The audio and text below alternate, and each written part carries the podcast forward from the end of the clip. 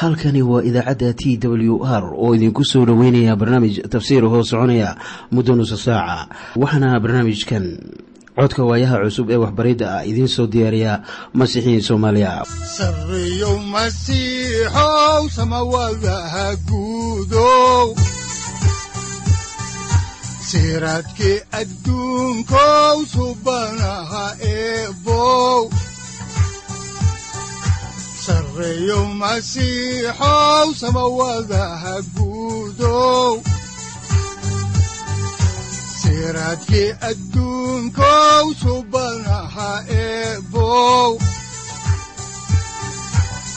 adigoo samada jiro ifkaan soo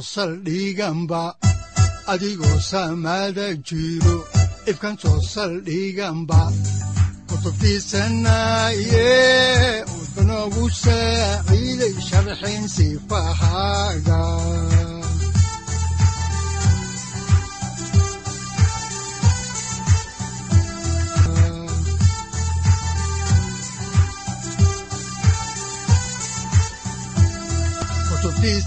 kutubtiisinayow ebanagu saaciid sharxin sifahaaga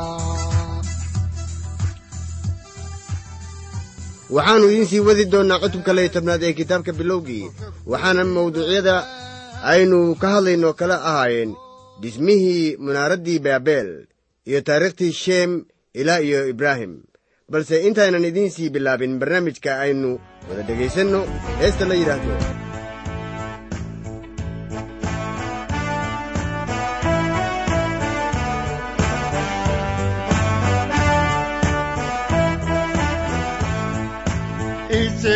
isay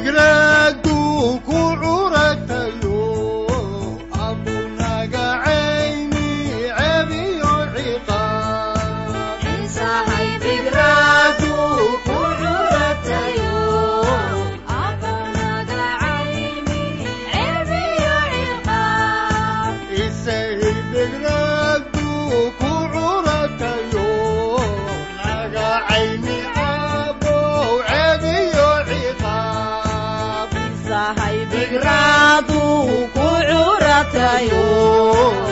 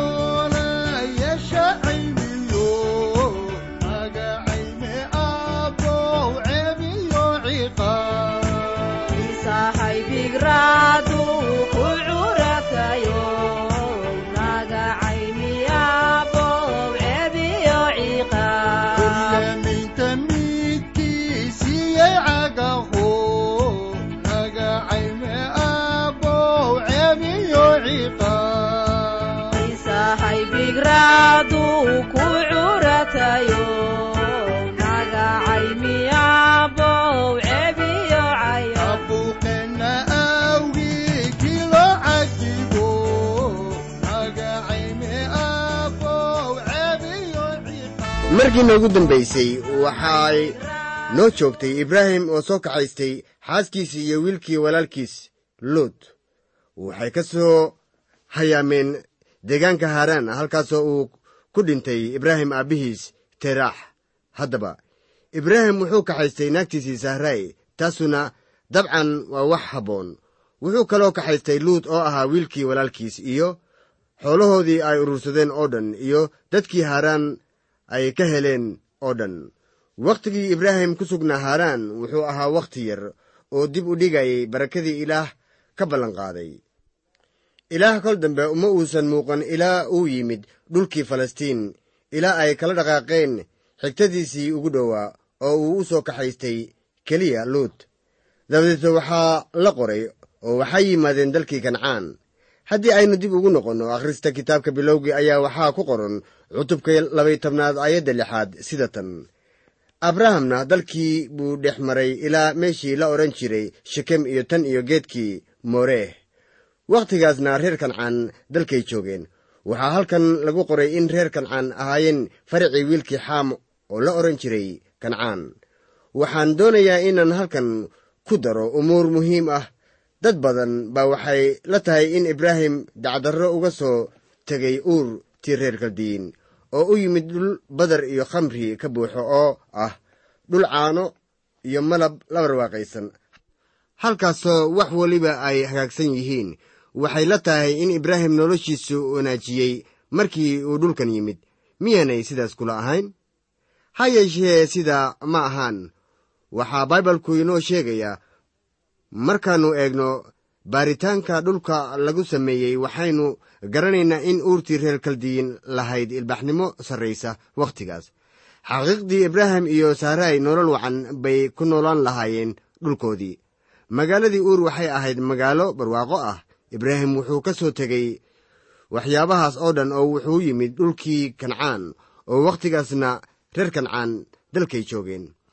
Reer kancaan ma ahayn dad ilbax ah waxay ahayn barbaariyiin karaahiyo ah.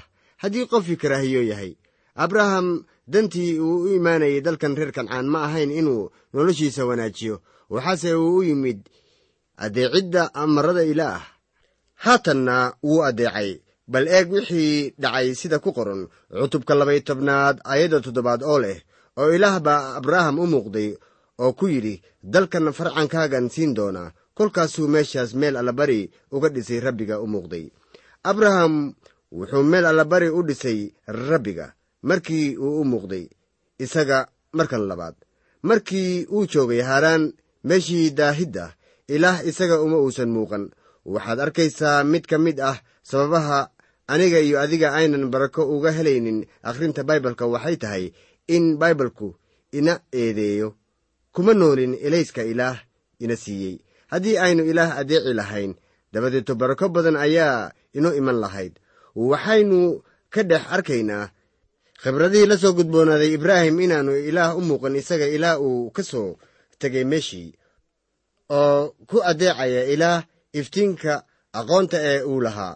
Haatan ilaah mar kale ayuu isagii u muuqday oo abrahamna wuxuu dhisay meel allabari waxaanan arki doonnaa inuu yahay dhisaha meelaha allabariga waxaan ka akhrinaynaa cutubka labay tobnaad aayaddiisa siddeedaad sida tan markaasuu meeshaas ka guuray oo wuxuu tegey buurtii xagga bari ka ahayd beyteel oo teendhadiisii buu ka dhistay meel beyteel galbeed ka ahayd caynna bari ka ahayd.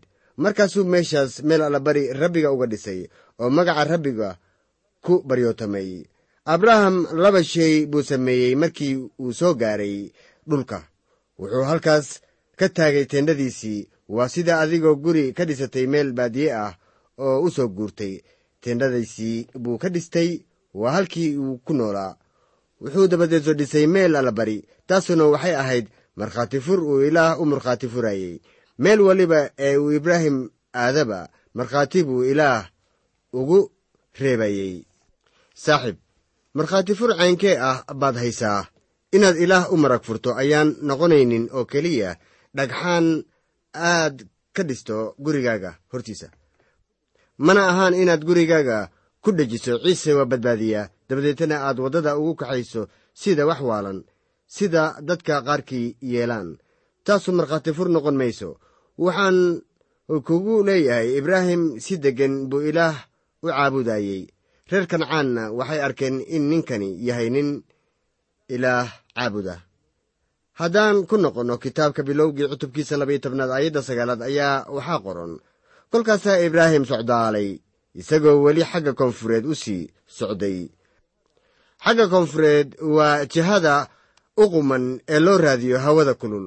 Marka ninkanu wuxuu socdaalay xagga koonfureed waxaa laga yaabaa in cagihiisu barareen wuxuuse ahaa reer baadiye.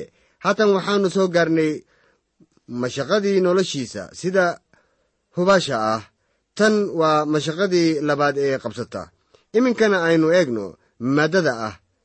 Dib u dhicii ku yimid rumaysadkii ibraahim. Haddii aynu dib ugu noqonno kitaabka quduska ah qaybtiisa bilowgii waxaannu arkaynaa in ibraahim dib u dhac xagga rumaysadka ahi ku yimid. Bal marka hore aynu eegno cutubka labaiy tobnaad ee bilowgii aayadda tobnaad waxaana qoran sida tan kolkaasaa dhulkii abaari ka dhacday markaasuu abraham masar tegey inuu halkaas qariib ku ahaado. Waayo abaartii aad bay dhulkii ugu xumayd. Maalintuu yimaad inta moogaya murugo iyo dhibqaba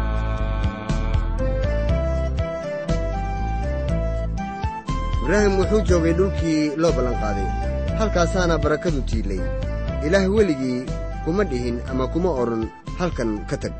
Laakiin abaar baa dhulkii ka dhacday. Waxaanan u malaynayaa maalin maalmaha ka mid ah. Aroortii hore intuu daahii tendhadiisii dhinac isaga bayray dabadeetana sahraay u soo galay oo ku yidhi naasahraay soma moodid in qof weliba masar u socdo.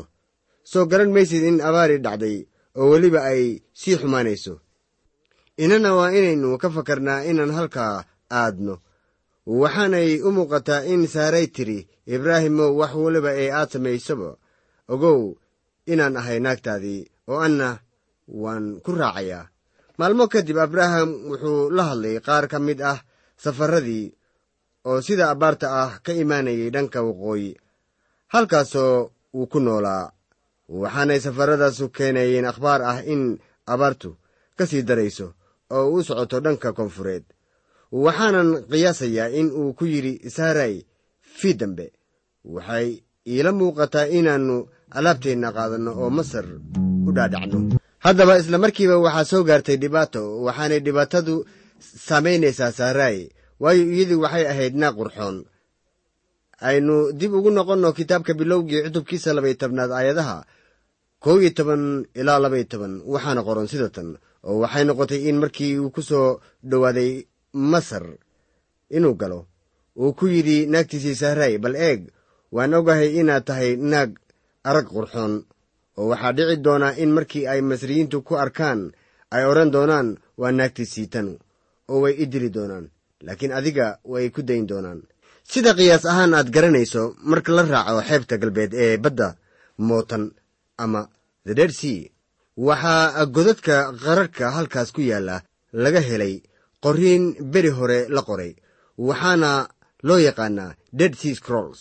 Markii ugu horraysay waxay la noqotay khubaradii aragtay ee aan rumaysadka lahayn in qorniinkaasu diidan yahay baibalka ama uu khilaafi doono. Laakiin miyaad garanaysaa sida ay u aamuseen kuwii ay la ahayd in qorniinkaasu diidi doono waxa ku qoran baibalka haatan ulama muuqato inay heleen wax mucaaradaya baibalka waxaa qorninkaas ka mid ahaa dhowr kutub oo aan la furfuri karin waayo way kala dadaadanayeen markii la damco in la fidiyo. Wakhti dheer bay isku laabnaayeen markaasay kala dadaateen oo cadcad noqdeen. Hal magac oo muuqday ayaa wuxuu ahaa laameek waxaanay ugu yeedheen qayb ka mid ah kitaabka laameek waxaanay yidhaahdeen waa kitaab ka mid ah baibalka oo ka hadla dhammaadka dunida. Waryaarahe war maxay khaldanaayeen? Qaranka israa'iil ayaa soo iibsaday qorninkaas markaasaa waxaa la keenay isku dhejiyeen oo isku kabkabeen ilaa markii dambe u noqday wax la kala fidin karo. Waxay mar haatan ulama muuqato inay heleen wax mucaaradaya baibalka. Waxaa qorninkaas ka mid ahaa dhowr kutub oo aan la furfuri karin waayo way kala dadaadanayeen markii la damco in la fidiyo wakhti dheer bay isku laabnaayeen markaasay kala dadaateen oo cadcad noqdeen. Hal magac oo muuqday ayaa wuxuu ahaa laamek waxaanay ugu yeedheen qayb ka mid ah kitaabka laamek waxaanay yidhaahdeen waa kitaab ka mid ah baibalka oo ka hadla dhammaadka dunida.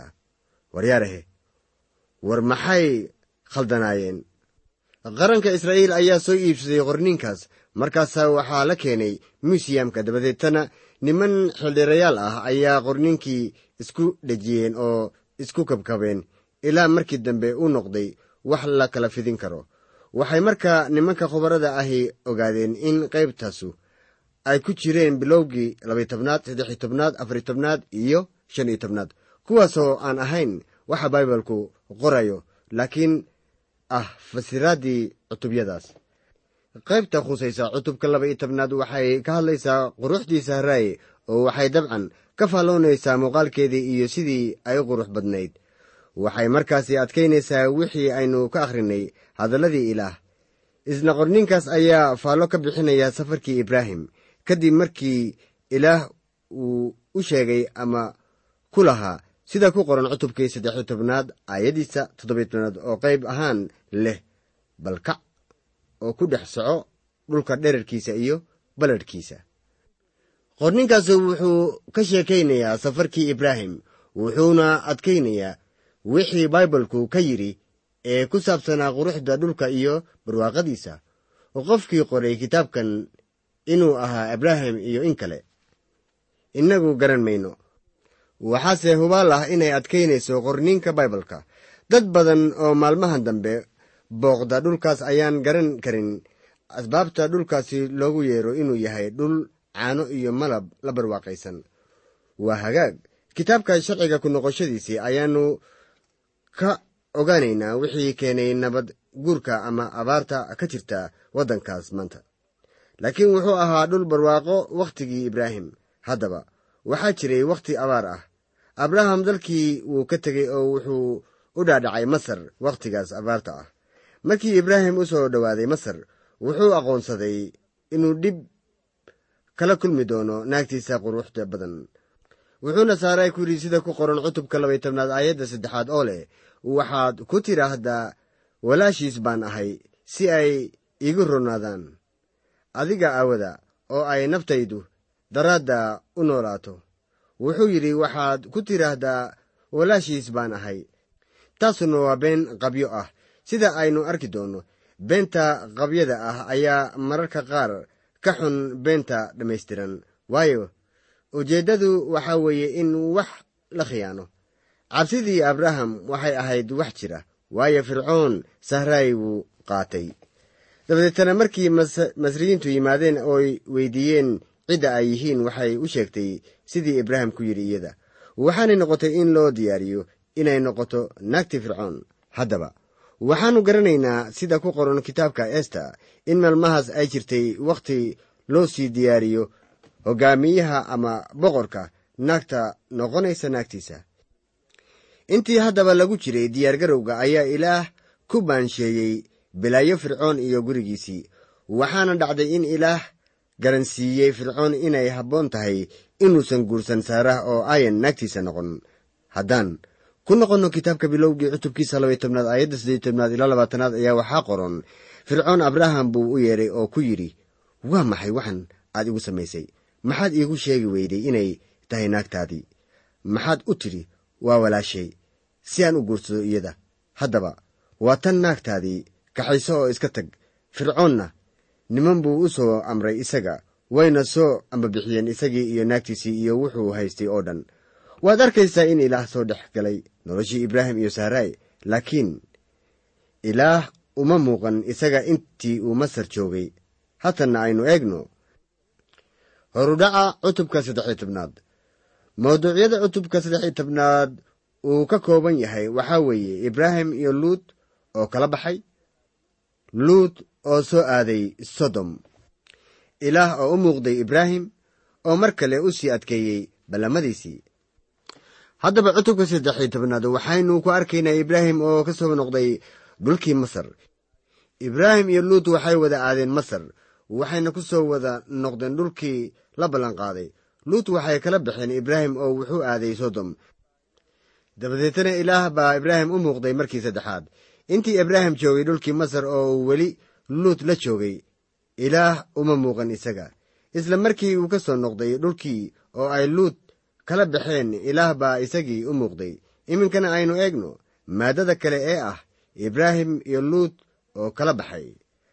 Haddaan idiin bilowno daraasaadka cutubka saddex iyo tobnaad ayaa waxaa ku qoran aayaddiisa kow ilaa laba sida tan. Abraham masar wuu ka baxay isaga iyo naagtiisa iyo wuxuu haystay oo dhan. Luutna wuu raacay oo wuxuu tegey xagga koonfureed oo abraham hodan buu ka ahaa xagga xoolaha iyo lacagta iyo dahabka abraham waxa uu la mid ahaa maalmahaas ninka caanka ah ee maraykanka ah ee loo yaqaano rockfeller wakhtigan taajir buu ahaa. Haddaba aynu horay u sii ambaqaadno faalladii kitaabka oon eegno cutubka saddex tobnaad ayaddii saddexaad oo leh. Xagga koonfureed ayuu ka tegey oo wuxuu u socdaalay ilaa iyo beytel meeshii bilowgii ay tendhadiisu ahayd ee u dhexaysay beytel iyo cey ibraahim wuxuu aaday waqooyiga yeruusaalem wuxuu dabadeeto yimid koonfurta agagaarka magaalada xebron haatanse wuxuu aaday waqooyiga jeruusaalem dhanka beytel. Haddaan faalladii kitaabka bilowgii cutubkiisa saddextobnaad ku noqonno aynu eegno haatan aayadda afraad waxaana qoran sida tan. Ilaa meeshii alebariga oo uu horaantii halkaas ka sameeyey oo meeshaasuu abraham magaca rabbiga kaga baryootamay inkastoo uu kufay oo dhacay ninkana wuxuu ku soo noqday ilaah. Waxaa mar waliba jiraya wadiiqo ama hab abraham oo ahaa wiil leked ah markaas. Uu ugu soo noqon karaya meeshaas allabariga.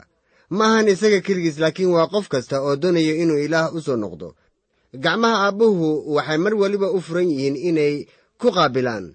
Aynu dib ugu noqonno kitaabka bilowgii cutubkiisa saddexiyo tobnaad aayadda shanaad oo leh oo luut oo isna abraham la socday wuxuu lahaa adhi iyo lo iyo tendhooyin luut xitaa kororsiimo buu ka soo helay dhulkii masar.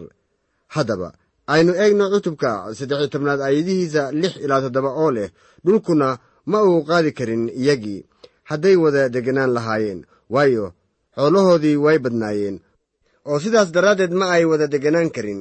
Diriir baana ku dhex jirtay xoolojirtii abraham iyo xoolojirtii luud markaasna reer kancaan iyo reer feris dhulkaasay degganaayeen hadallada ilaah cajiib bay leeyihiin haddaad miyir u yeelato inaad maqasho. Miyaad garanaysaa in laba shay oo abraham ka soo helay masar ay u keeneen dhib iyo murug? Mid wuxuu ahaa hodantinimo. Kan kalena waxaa sabab u ahaa naag jaariyad ah oo reer masar ahayd oo la odhan jiray hagar. Waxaynu arki doonnaa qisadii iyada ku saabsanayd kol dhow.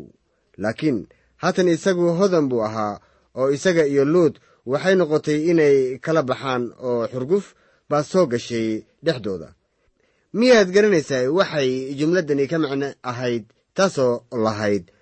Markaasna reer kancaan iyo reer feris dhulkaasay degganaayeen xoolojiradii abraham iyo xoolojiradii luut ayaa dagaalamayey oo dabadeetana abraham iyo luut baa is qabtay. Tan ugu xiisada badan ayaa waxay tahay in reer kancaan ay ku xansadeen reer feris wixii ka dhex dhacay ibraahim iyo luut iyagoo sida abbaarta ah leh. War bal eega mar kale markii ay halkan inoogu yimaanayeen oo meel allabari u dhisayeen ilaaha baaqiga ah ee jira sidee baannu ula makaagnay? Markii uu halkan yimid waxay inoola ekayd inuu yahay nin aad iyo aad u wanaagsan. Waxaannu garanaynay inuu ahaa nin daacad ah oo runtii sheeg ah laakiin bal eeg haatan oo bal eega dhibka iyo qaxarka kala haysta. Haddaba anigu u malayn maayo in reer feris iyo reer kancaan ay jeclaysteen wixii ka dhexdhacay ibraahim iyo bikraba masiixii dhasho mucjise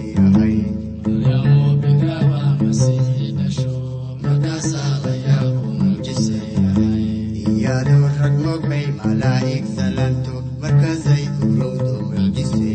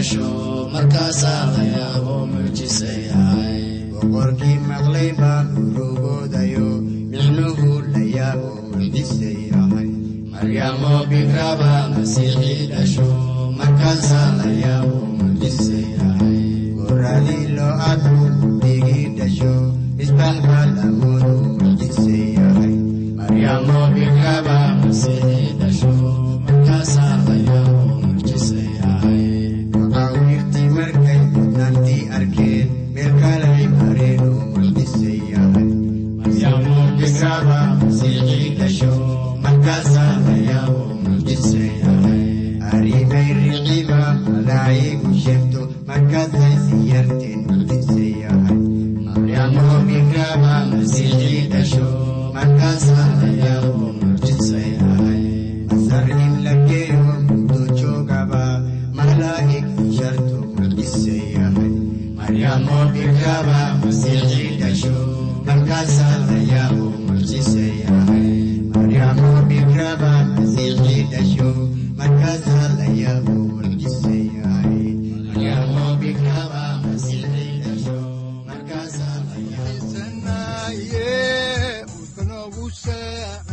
halkani waa t w r idaacadda t w r oo idinku leh ilaa ha idin barakeeyo oo ha idinku anfaco wixii aad caawi ka maqasheen barnaamijka. Waxaa barnaamijkan oo kalea maqli doontaan habeen dambe hadahan oo kale haddiise aad doonaysaan in aad fikirkiina ka dhiibataan wixii aad caawi maqasheen ayaad nagala soo xiriiri kartaan som t w r at t w r c o k e dhegaystayaal haddii aad doonaysaan inaad mar kale dhegaysataan barnaamijka fadlan mar kale booqo www t t b o r g ama www t w r o r g halka sare waxaad ku arkaysaa markii aad gasho language ama luuqadda waxaana dooranaysaa soomaali. Haddii aad doonaysaan in aad dejisataan oo kaydsataan barnaamijka ama aad mar kale dhegaysataan fadlan mar kale booqo www t t b t w r o r g ama www t w r o r g haddii aad doonayso in laga kaalmeeyo dhinacyada fahamka kitaabka amase aad u baahan tahay duco fadlan fariimahaaga soo mari bogga aaraahda ama kommentska inana jawaab degdeg ah ayaanu ku soo diri doonaa amase ku siin doonaaye sarreyow masiixow wihiyow saacadda timid dhulka sabada ku dhalatiyo